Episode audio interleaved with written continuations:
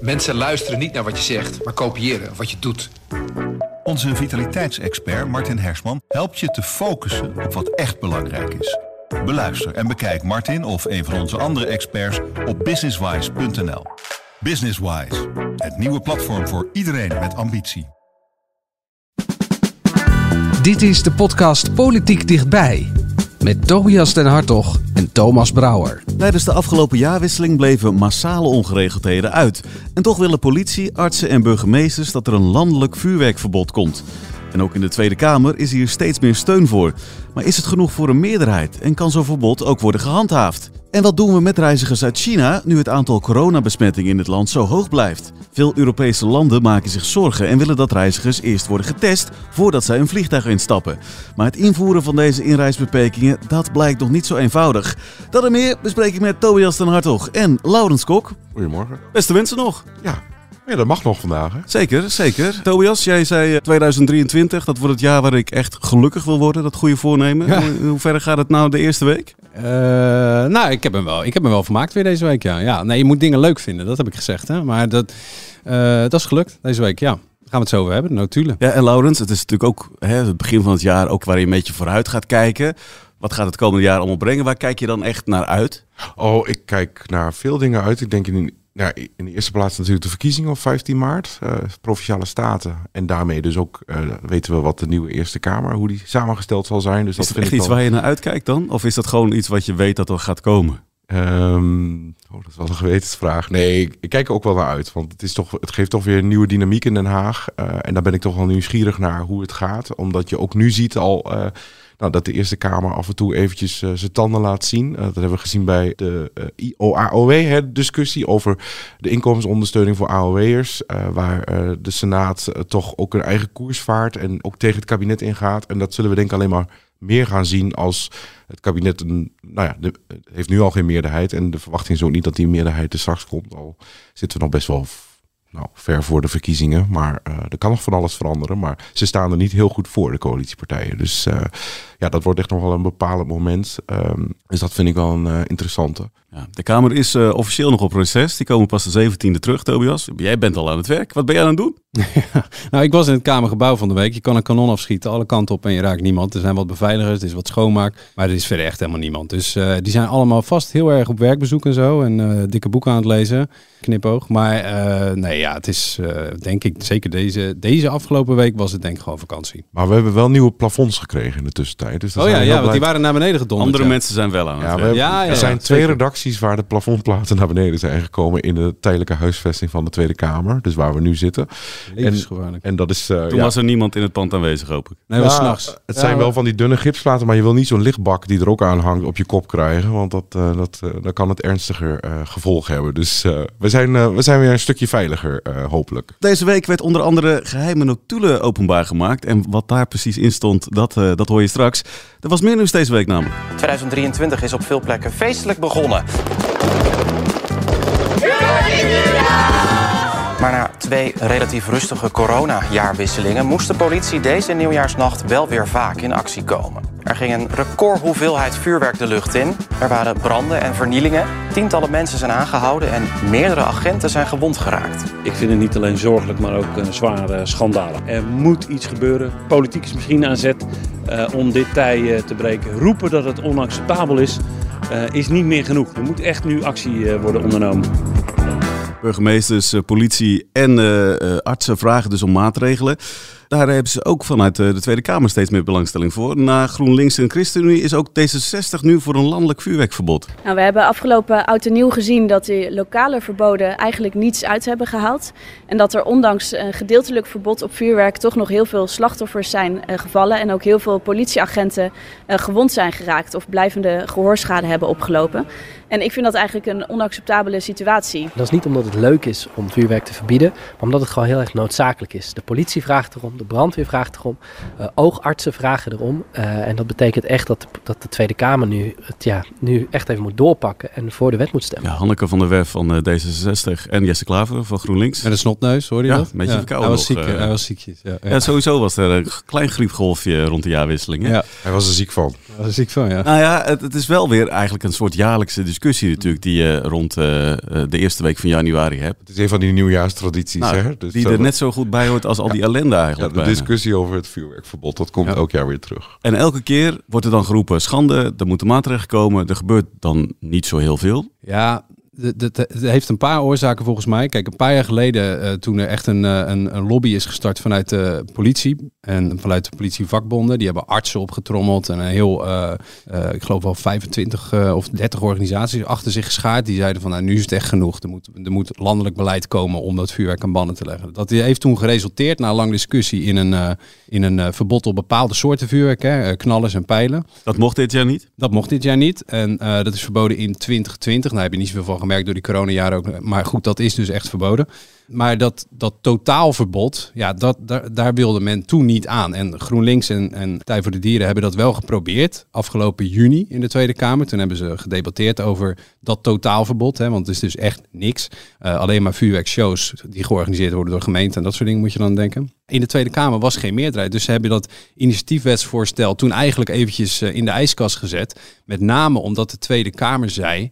Ja, laten we nou na die co- coronajaren eens even afwachten hoe een gewone jaarwisseling verloopt. Hè. Wordt het dan echt heel veel minder? Nou, het antwoord is er nu. Nee, de schade is ongeveer even groot. Het aantal gewonden is ongeveer even groot Als drie jaar geleden. als drie jaar geleden.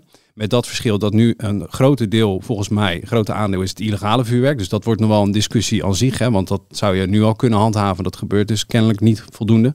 Maar die discussie komt dus nu weer terug. Want je hebt een, een soort clean vergelijking met de eh, pre-corona jaren. Ja, want als we dan even naar de cijfers eh, gaan, waren dit jaar nou, ruim 1200 mensen die door vuurwerk gewond zijn geraakt. En daarvan was dan 44% zo'n beetje door illegaal vuurwerk. Ja, dat is wel dat is best een fors aan- aandeel. Je krijgt dan natuurlijk de discussie: hebben mensen hun toevlucht genomen tot illegaal vuurwerk, omdat bepaald legaal vuurwerk, hè, denk aan knallers en vuurpijlen, dat die verboden zijn? Ja, ik denk dat dat wel munitie is voor de tegenstanders van het totaalverbod. Want die zeggen, ja, je, je kan ook gewoon handhaven op illegaal vu- vuurwerk. Hè, en dan is er nog wel eh, heel veel mogelijk. Ja. Dus Een van die tegenstanders van zo'n verbod, dat is de VVD. We zijn op dit moment tegen een landelijk vuurwerkverbod. Uiteindelijk moeten natuurlijk de problemen die er rond oud en nieuw zijn, moeten we oplossen. En die zijn er. Kijk naar alle politie- en brandweerlieden die met, eh, met, met letsel eh, deze dienst doorkomen. Dat moeten we gewoon aanpakken. Daar moeten we onze ogen niet voor sluiten. De vraag is dus of een algeheel vuurwerkverbod daar de oplossing voor is. Ik hoor nog geen andere oplossing. Nee, nee, nee. En ik hoor ook op dit moment is de VVD. Hè? Ja. Op dit moment. Dat is wel cruciaal hoor. Want Ingrid Michon is dit, hè, Tweede Kamerlid van de VVD.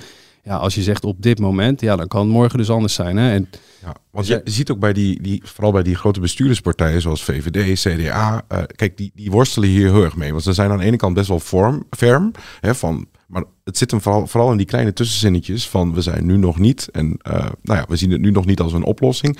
En tegelijkertijd, ze hebben al die burgemeesters eh, in hun nek hijgen van jongens, jullie moeten daar eh, nu eindelijk eens een keer paal en perk aan gaan stellen. Want het is gewoon, eh, hoe, kunnen, hoe kunnen we dit nog verantwoorden aan de samenleving als er zoveel mensen ook gewond raken of overlijden tijdens de nieuwjaarsnacht? Ja, daar kun je toch niet je ogen voor blijven sluiten. Dus je ziet ook wel dat zij, vooral deze partijen, die zitten heel erg ja, daarmee in hun maag. En op zich de, de vraag die ze stellen, die is ook wel gerechtvaardigd. Haalt, het een, haalt een vuurwerkverbod ook uit wat je ervan hoopt. Namelijk dat dit helemaal niet meer gebeurt. Eh, Je zou kunnen zeggen, hè, er waren lokale vuurwerkverboden in Amsterdam, Rotterdam bijvoorbeeld. Daar is het ook gewoon weer misgegaan. Ja. Dus in zoverre, als je het niet kan handhaven, ja, wat heeft dan zo'n verbod voor zin? Ja, nou, de politie heeft ook zeker niet de capaciteit om dat te handhaven. En dan heb je natuurlijk nog BOA's en zo die kunnen bijspringen. Maar je, gaat het nooit waterdicht eh, krijgen zolang er gewoon verkoop is. Zolang er handel is ook, hè, zo illegale handel of, of verkoop. Je gaat dat gewoon niet dichtgesmeerd krijgen. En dat is ook wel een beetje het punt van de, van de politie. En dat begrijp ik ergens wel. Ik was een keertje bij eh, Erik Akerman, was destijds korpschef. Toen ben ik op zijn werkkamer geweest, liet hij een kaart zien aan de wand.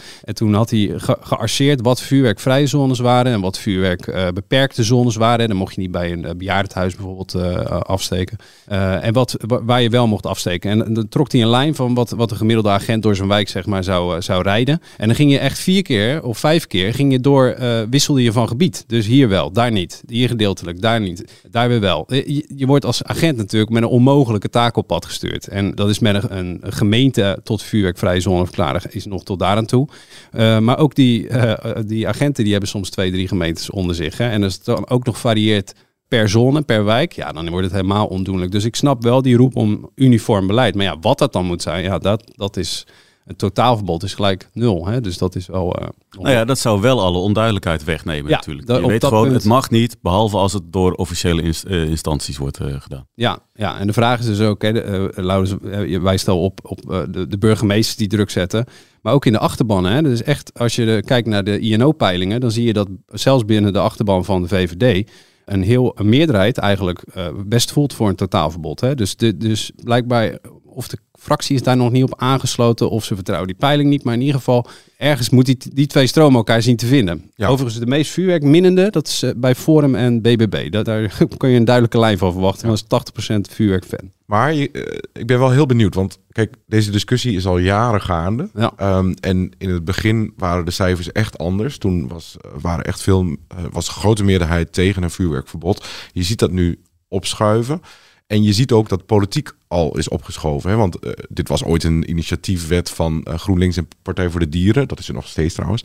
Ehm, en je ziet wel dat dat langzamerhand aan terrein wint. D66 is nu om. Nou, PvdA die lijkt ook voor te zijn. Ja, Ehm, ChristenUnie waarschijnlijk. ja, dus, dus er, kom, er komen wel partijen bij. En je, eh, wat je ook wel eens ziet, is dat de politiek uiteindelijk gewoon de samenleving volgt. Hè? Dus, dus je, ziet op een gegeven moment dat er de samenleving anders gaat denken. En, en dat de politiek dan ook meegaat. En, want niemand wil hier echt een leidende rol in nemen, denk ik. Behalve misschien eh, Partij voor de Dieren en GroenLinks. Daar verwacht je het waarschijnlijk ook van. En daarom kan het ook, dat vind ik wel zo grappig, dat er dus dan een initiatiefwetsvoorstel eh, is al lang geleden gelanceerd. En dat blijft dan maar, zeg maar, boven de markt eh, hangen.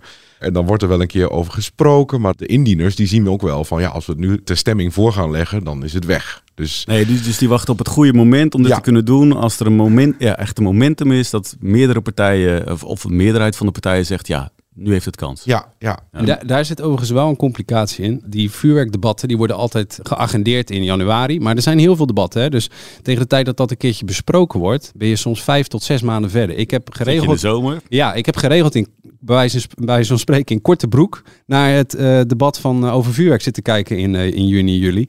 Ja, dan is het momentum wel helemaal weg. Iedereen is alweer met hele andere dingen bezig. Zijn heel veel proble- problemen overheen gegaan.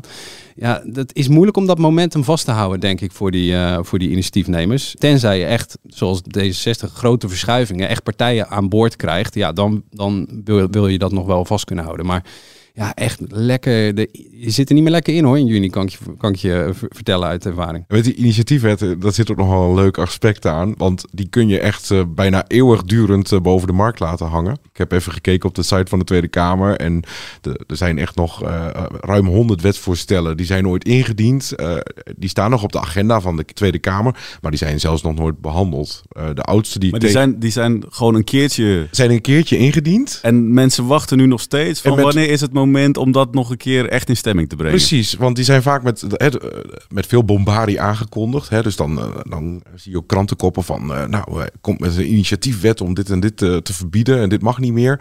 En dan is er veel media-aandacht... maar vervolgens hoor je er nooit meer iets van terug. En dat is wel een bijzonder fenomeen... eh, wat eh, in Den Haag... ja, dat tref je wel vaker aan. Het oudste initiatiefwetsvoorstel... wat nu nog in de Kamer eh voor ligt... waar denken jullie aan? Hoe lang geleden is die ingediend? Hadden we al internet? Ja, Net aan? Ja, Ja. nou, het is eh, 2000. Oké. Dus dat is- dat is 22 jaar geleden. 23 jaar dat is geleden. Oh, pre- 23 jaar geleden, heel goed. Dat is ja, ik moet er nog toch? aan wennen. Ja. Ja, dat is. En eh, er was een initiatief van eh, de leden eh Bussemaker, Jet Bussemaker, Oh ja. Ineke van Gent van GroenLinks en eh Artie Schimmel. Nou, die zou wel iets anders gaan doen. Hè, van welke partij, jongens? Ja, jullie zijn de politiek verslaggevers. ik zit hier alleen maar. Nee, geen idee. Overhoringsvraag voor Tobias. Geef het op. Geef het op. Ja, van D66. Oh. Ja, ik moest het ook even opzoeken hoor. Eh, maar het gaat dus over invoering van het klachtrecht voor individuele werknemers. Dat is dus kennelijk nog nooit gerealiseerd. Was heel belangrijk. Ja, maar het geval wil. In juni van vorig jaar, 2022, hebben dus de leden van PvdA en GroenLinks, Barbara Katman en Senna Matoeg, die hebben dus dit wetsvoorstel weer omarmd. En eh, die willen er dus verder mee. We gaan er van alles over horen. Eh, en zo zitten er wel meer van dit soort mooie voorstellen. Uit 2005 van eh Khadija Ariep. Oh ja? Ja, gaat over de wet door de raad gekozen burgemeester. Nu is het nog zo dat de raad op zich eh, in het geheim eh, een burgemeester kiest. Alleen die moet altijd nog bekrachtigd worden door de, door, de, door de kroon. Het is nog steeds een kroonbenoeming. Eh, dus dat is de koning, die moet dat dan. en het kabinet moet daar dus mee instemmen. Maar dit zou dan helemaal. zou de benoeming van de burgemeesters helemaal naar. de gemeenteraad gaan. En een andere die ik ook wel interessant vind is 2009, ook alweer een tijd geleden, de verhoging van de minimumleeftijd voor prostituees naar 21 van Oh. Fleur Agema eh, van de PVV. Die is ook nog, ja, daar hebben we nooit meer iets van teruggehoord. Ja, die moeten Segers bellen, volgens mij. eh. Ja, ja. misschien eh, brengen, ze, brengen we haar wel op ideeën na het luisteren van deze podcast. Ja. Oké, nou, maar hebben we het over 20 jaar, hebben we het dan nog steeds over een vuurwerkverbod of is het dan intussen al ingevoerd? Nou, het is snel gegaan hè, de afgelopen jaren. Het, het feit dat die knallers en eh, pijlen verboden zouden worden, hielden we tot, tot een jaar daarvoor ook nog voor mogelijk. Ook omdat de VVD toen dwars eh, lag, maar toch ineens eh, meeging. Dus eh, ik zou het niet uitsluiten. Maar we spreken elkaar in juni, want dan is er waarschijnlijk een debat over. Korte broek In t-shirt. je korte broek, ja. Ja. Dames en heren, goedenavond. Minister van Mierlo van Buitenlandse Zaken heeft vorige maand bewust de mogelijke arrestatie van oud-legerleider Desi Bouterse tegengehouden. Bouterse was toen op bezoek in Brazilië. Maar omdat Van Mierlo er niet zeker van was dat de Braziliaanse regering zou meewerken aan uitlevering, heeft hij die aanhouding geblokkeerd.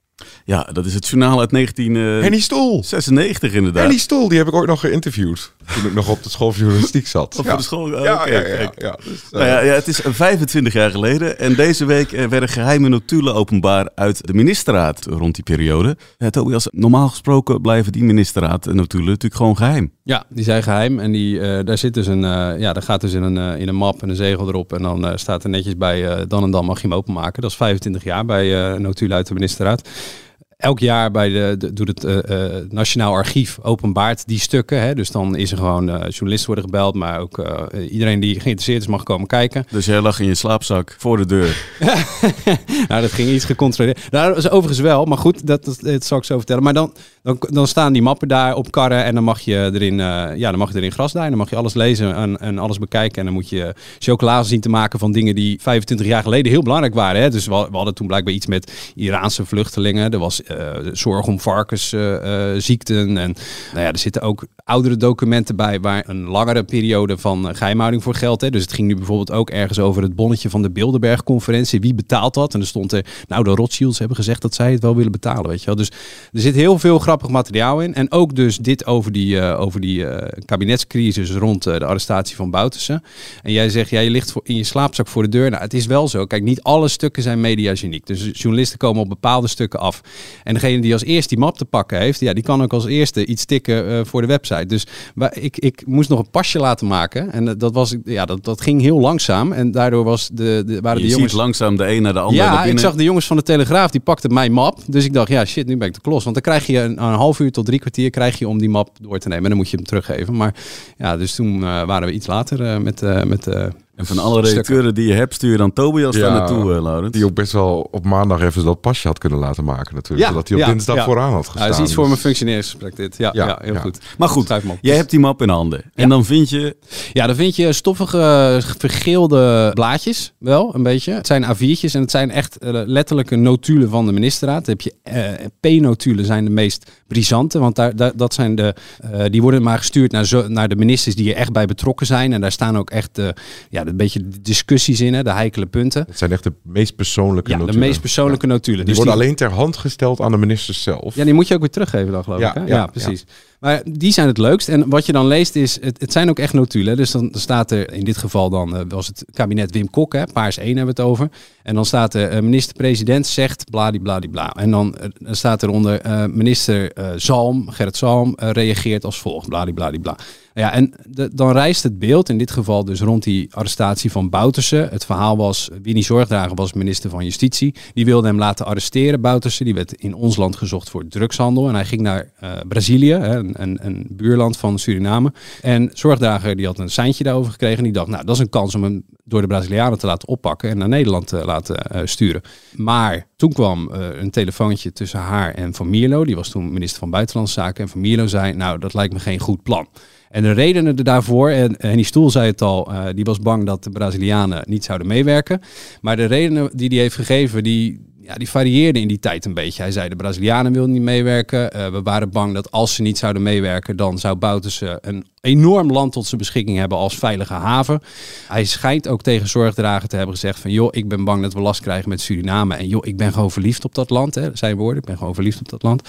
Dus er was een beetje een potpourri van redenen. Nou, in de Kamer heeft hij die wel uh, verteld. Maar in de ministerraad ging het daar natuurlijk ook over. Want heel veel ministers hadden zoiets van ja jongen, nooit geschoten is altijd mis. Had het in ieder geval geprobeerd bij die Brazilianen. En nou ja, wat ik leuk vond aan deze notulen is dat je, je, je leest dus letterlijk een kabinetscrisis. Want op een gegeven moment heeft Van Mierlo gezegd... jongens, in de, in de ministerraad, ik wil eigenlijk wel jullie steun... want anders houdt het voor mij op. En hij was vicepremier, hij was de voorman van D66. Ja, als hij zegt, jongens, kappen mee, dan valt het kabinet. Dus je leest dan die notulen en je denkt... hé, hey, dit is een crisis. Maar het gaat allemaal heel voorzichtig hoe ze zich uitdrukken ook tegen elkaar. Nou, Gerrit Salm die zegt dan bijvoorbeeld... Uh, die, die vraagt dan uh, met het oog op de scheiding tussen politiek en rechtsgang. Hè? Nou, politiek is dan van Mierlo. Rechtsgang is dan zorgdragen. Of Van Mierlo zich toch niet te veel in Brazilië heeft verplaatst. Hè? Had ze de keuze gegeven, zegt hij eigenlijk. En Jan Pronk, toen uh, minister voor de PvdA, uh, die, heeft het dan, uh, die zegt dan... ja, misschien zien, zijn er nu juist politieke consequenties... Hè, dat je Boutsen niet hebt gearresteerd. Want ja, nu moet het Suriname er iets van vinden. En Brazilië staat ook ja, zo van... ja, jongens, je had het kunnen vragen. Dus hij zegt, ja, misschien heb je de afweging iets te snel uh, gemaakt, staat er dan in notulen. Nou, dat zijn hele lichte prikjes, maar eigenlijk zeggen ze met zoveel woorden, ja, we zijn het eigenlijk niet met je eens wat je hebt gedaan. En Van Mierlo voelt dat ook aan en die zegt dan, uh, uh, dat staat dan zo in de notulen, als spreker, dat heeft de notulist opgeschreven, als spreker, Van Mierlo dus, niet kan rekenen op steun van het kabinet, ontstaat er voor hem een problematische situatie. Nou, dat is Haags voor, jongens, dan ben ik weg. Ja. En dat is het leuke aan die notulen, dat je denkt, het staat er... Dit is natuurlijk smullen, hè, want... Uh... Uh, kijk, we zouden allemaal wel een keer getuige willen zijn van die discussies in de Treffenzaal. Um, ja. Uh, maar ja, die zijn. Uh, je mag ook niet klappen uit de ministerraad natuurlijk. Hè? Dus niet uit school klappen moet ik zeggen, niet klappen. en alleen het is best wel jammer dat je 25 jaar moet wachten voordat je weet hoe zo'n discussie echt is verlopen. Hè? Want er zijpelt natuurlijk eens wat naar buiten. Um, um, maar je krijgt nooit het hele verhaal te horen. en je weet nooit hoeveel er gespind is. Hè? Dus de, door spindokters zeg maar een draai aangegeven. Uh, dus dat is wel echt fascinerend dat je dus 25 jaar na dato kunt reconstrueren. Van hoe, is dan hoe, hoe is die discussie gegaan? En, ja. en zeker, dit is natuurlijk dit was zo pikant, want ook Zorgdrager was van D66, Van Mierlo was van D66. Dus op, op partijniveau zat hier al een enorme clash. En dan ook nog dat het kabinet dus onder hoogspanning uh, staat. Je zag ook dat uh, die VVD-ministers uh, nou, er veel strakker in zaten. En, en eigenlijk vonden van ja, dit kunnen we, hadden we niet zo moeten doen. En tegelijkertijd, Van Mierlo speelt dan ook gewoon een machtspoliticus die gewoon zegt van ja, ik heb jullie steun nodig. En als de niet, die die krijgen, stap ik op. En als de vicepremier dat zegt, dan weet je, dan is het echt kabinetscrisis. Ja, dus... je ziet ook in de notulen dat Kok dan, de minister-president op die neemt al snel het woord. Die zegt, uh, nou het lijkt mij te billijken dat wij hier elkaar steun geven of zo. Hè? zo woorden van gelijke strekking. Dus die denkt ook meteen, oeh, dit moeten we gelijk even smoren. Want uh, als hier een VVD ervoor gaat liggen, die zegt, nou, je hebt anders wel wat uit te leggen van Mierlo. Ja, dan krijg je de pop aan het dansen. Dus Kok die dacht ook gelijk, hup, blusdeken eroverheen. Overigens twee hele leuke parallellen in die stukken. Hè? Want je hoort het aan het taalgebruik, dan ontstaat er een problematische situatie. Hij zegt dus niet, jongens, als jullie mij niet steunen, dan ga ik bij jullie weg. Uh, ik moest denken aan dat moment uh, na de zomer dat het uh, Hoekstra het, het stikstofinterview in het AD had gegeven over niet zo strak vasthouden aan die termijnen bijvoorbeeld, over de reducering van, van stikstof. 2030. Nee? Ja, 2030 exact. En toen was er een ministerraad en toen zei Sigrid Kaag, naar verluid, meerdere bronnen, dat het vertrouwen weg was. Het vertrouwen weg was. Dat is heel specifiek, hè? want ja, het vertrouwen is weg. Komt dat ooit nog terug? Wanneer is dat terug? Dat is allemaal niet meetbaar. Dus dat, is, dat, zet, dat zet de relatie heel erg onder druk. En ik, uh, dat was dus ook een hele opvallende uitspraak. En je zag het eigenlijk aan van Mierlo deed iets gangbaarder, hè? iets Haagse. Iets, uh, dan ontstaat er een problematische situatie. Ja, dat kunnen heel veel dingen zijn. Maar iedereen, hè, daar kun je heel veel dingen opplakken. Maar iedereen begrijpt, oké, dan heeft hij dus echt een probleem. En stapt hij misschien wel op. Maar hij zegt het niet. En dat slimmige, gematigde Haagse taalgebruik daarin, in die notulen. Ik, deed denken aan de wat onhandigere operatie dan van Kaag, denk ik. Uh, dus ik vond dat een leuke parallel. En die andere was, we hebben het heel veel gehad in de formatie over Pieter Omtzigt functie elders. Hè? En er was gesproken namelijk in de ministerraad over dat uh, de hele mondige Kamerleden van de coalitiepartijen, die moesten gepacificeerd, uh, gepacificeerd worden, gesensibiliseerd. worden. Dus die moesten een beetje, ja, door de eigen, door de mensen in het kabinet, die moesten daar eens naartoe gaan en zeggen van, joh, kan het niet een tandje minder in de, in de Tweede Kamer? Want jullie hebben wel hele eh, luide kritiek.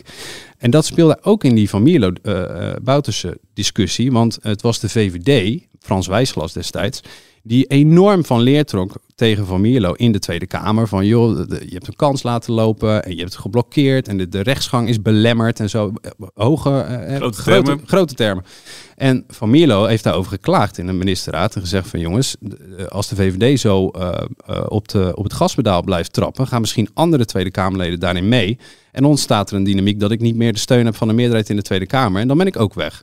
Dus toen heeft uh, Hans Dijkstal, was VVD-minister, die is naar Frits Bolkestein gegaan, fractieleider van de VVD van destijds, en gezegd, joh, ga jij eens eventjes met Wijsglas praten, dat, het, dat hij een beetje kan Beetje dimmen. Oh, wauw. Ja, Dus ik, ik, beweer jij hier nu eigenlijk dat, zeg maar, Frans Wijsglas, Ja. dat, dat dat een Kamerlid was wat gesensibiliseerd moest worden? Ja, in feite wel. Want het, het, het was, eh, hij, hij moest een beetje terug in het hok. En dat is ook gelukt. Uiteindelijk eh, deed Dijkstal ook verslag daarover in de ministerraad. En, en alle, alle, ja, alles stond weer op een rijtje. Het was, eh, het was weer koekenij. Hij bleef wel kritiek houden, maar de woorden werden wel wat minder groot. Ja. En later kreeg hij natuurlijk een functie elders. Functie elders.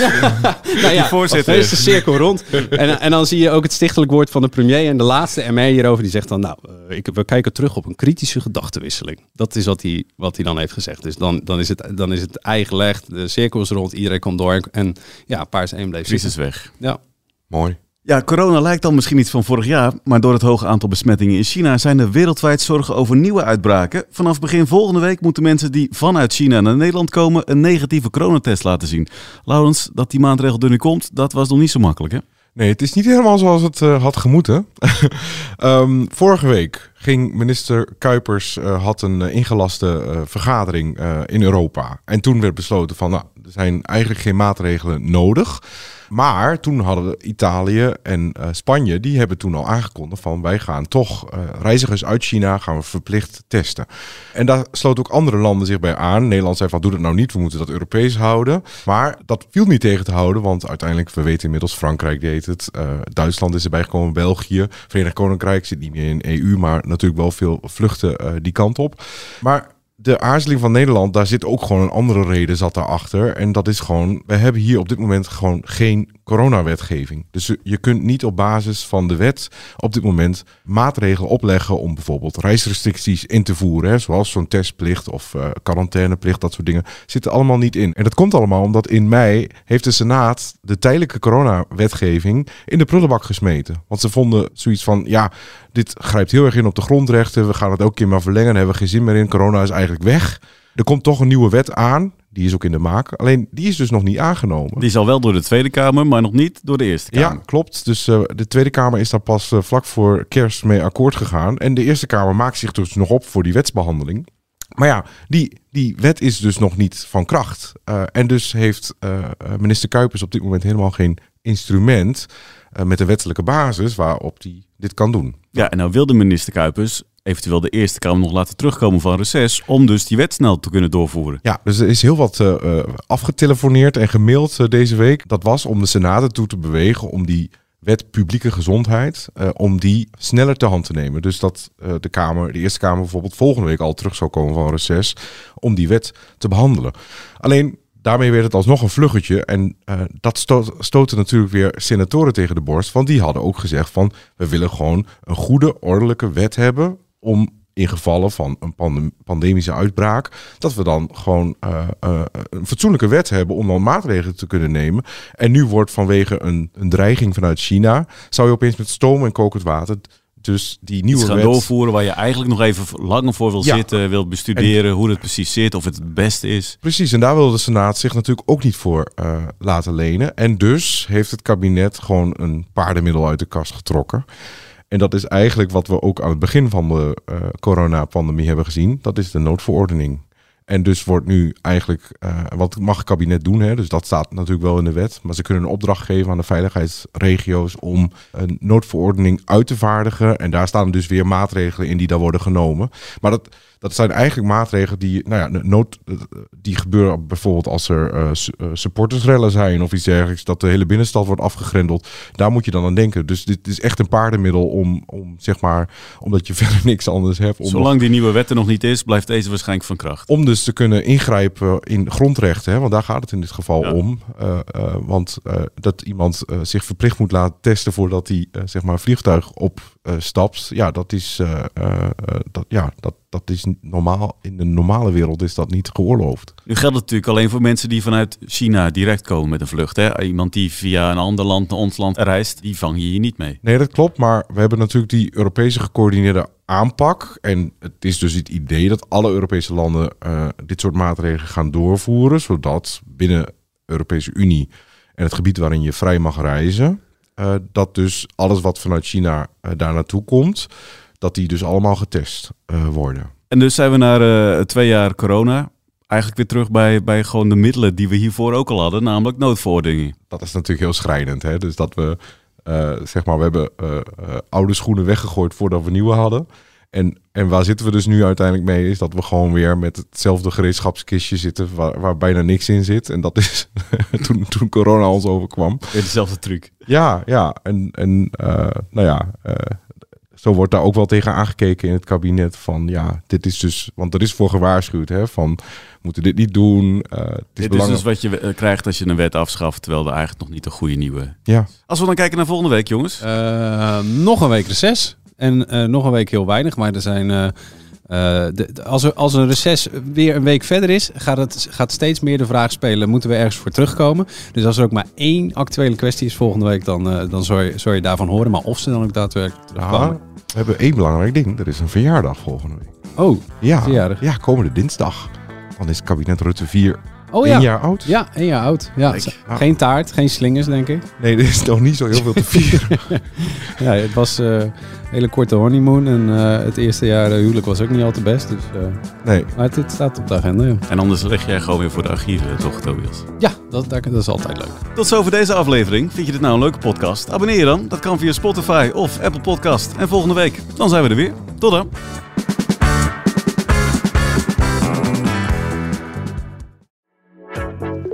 Goede spreker herken je aan de Q&A aan het eind. Onze lifehack-expert Martijn Aslander geeft je adviezen waar je echt wat aan hebt. Beluister en bekijk Martijn of een van onze andere experts op businesswise.nl. Businesswise, het nieuwe platform voor iedereen met ambitie.